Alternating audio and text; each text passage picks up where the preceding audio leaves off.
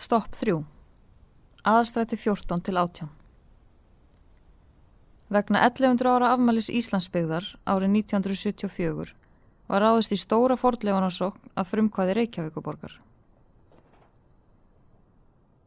Markmiði var að finna eldstu byggðin í Reykjavík en uppgreftir hófust árið 1971 og stóðu yfir í fjögur ár. Grafi var á fjórum lóðum og komi ljós að á þeim öllum var að finna fordleifar frá ýmsum tímum. Allsrætti 14. Fyrsta rannsóknin hér var gerð á 8. áratug síðustu aldar og uppgötuðu fordlegafræðingar þá minjar sem voru eldri en landnámslægið 871 pluss minus 2. Þetta var brotur vegg og mátti greina hvernig landnámslægið hafi lagsta vegnum þegar gjóskan fjall. Önnur rannsókn fór fram um 30 árum síðar og var þá komist að sömu niðurstöðu og við fyrir rannsókn. Hérna er því að finna eldstu áþrjámanlegu minjar sem þekktar eru í Reykjavík og hægt er að skoða vekkjabrótið á landnámsýningunni 871 pluss minus 2 í aðalstræti 16. Aðalstræti 16 Árið 2001 fannst veglegu skáli stutt frá vekkjabrótinu sem var um 16 sinum 6 metrar stærð eða 85,5 fermeter með eldstæði fyrir miðju. Í honum bjó fólk frá um 930 til ásins 1000. Í Reykjavík hafa fundist fjóri skálar frá sama tímabili svo hér getur hafa verið mörg heimili þegar á tíundu öld. Í skálanum voru tveir yngangar en það er sjálfgeft á Íslandi. Hann sver sér mjög í ætt við norð-evróskra húsagerð sem reykja má aftur til bronsaldar.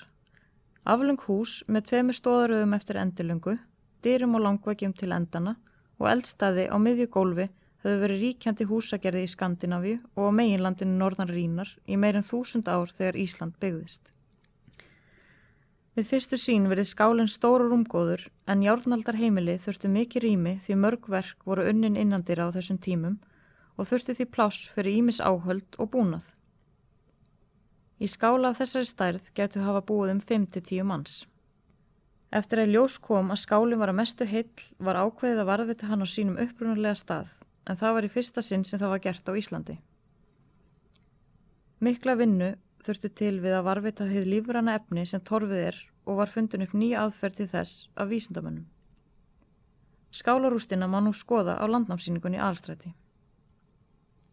Rannsóknir á innihaldi gólfsins í norðvestur enda skálans leitu í ljós nokkuð sem reyndist einstakt meðal íslenskara skála. Í gólfinu var meðal annars tað úr geitum eða kindum. Þarna fundust líka stóðarhólur sem skipta þessum enda skálans í nokkur lítil hólf. Því er talið að dýrin eða minnstakustu nokkur þeirra hafi verið gemd innan vekkja skálans á meðal fólksins. Við uppgröttin fundust þrjá róstungstennur sem benda til að þarna hafi búið fólk með sérhæða þekkingu en afar erfitt er að fjarlæga efstar hluta róstungstannana úr höfukópunni sem er mjög hörð og þung. Í veggjum skálans er herðablað og hluti af hryggjasúlu úr rostungi sem hægt er að sjá á landnámsýningunni. Mögulegt er að þessi bein hafi komið úr dýrum veitum við Ísland en ósennilegt er að rostungsbein önnur en höfukúpur hefðu verið flutt frá Grænlandi til Íslands.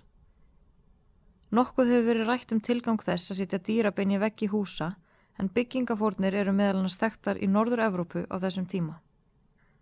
Hér geti þið verið um slíka fórna ræða eða hugsanlega vildu íbúarnir láta gesti og gangandi vita að hérna byggju miklu rostungsveiðmenn sem hefðu góð þekkingu á verkun og vinslu í tengslum við rostungsveiðarnar. Dreifing gripa innan skálans var mjög tilvíluna kent og má tellja að þegar íbúar skálans yfirgáðu heimkynni sín hafi þeir tekið allt nýtilegt með sér og þeir gripir sem fundust hafi orðið eftir af tilvílun. Aðstrætti átjón Við söðuröndar skálans í aðstætti 16 fannst annar minni skáli með langaldi. Sá var um 9,3 metra innramáli og vegginni voru engangu beigður úr strengjatorfi með landnámskjósku, líkt og starri skálin. Rústinu var öll mikið sköttuð eftir yngri byggingar sem skáru skálan í sundur. Þessi skáli var rannsakaða tvísvar og niðurstöðuna voru þær að hann hefði verið viðbygging starri skálans og verið bætt við bæjastæðið um árið 950. Útlínur rústarinnar og eldstæðisins hafi verið endurgerar út frá stærri skálanum á landnámsýningunni. Útlínu skálans eru einni á gangstéttinni fyrir framann ingangin að síningunni.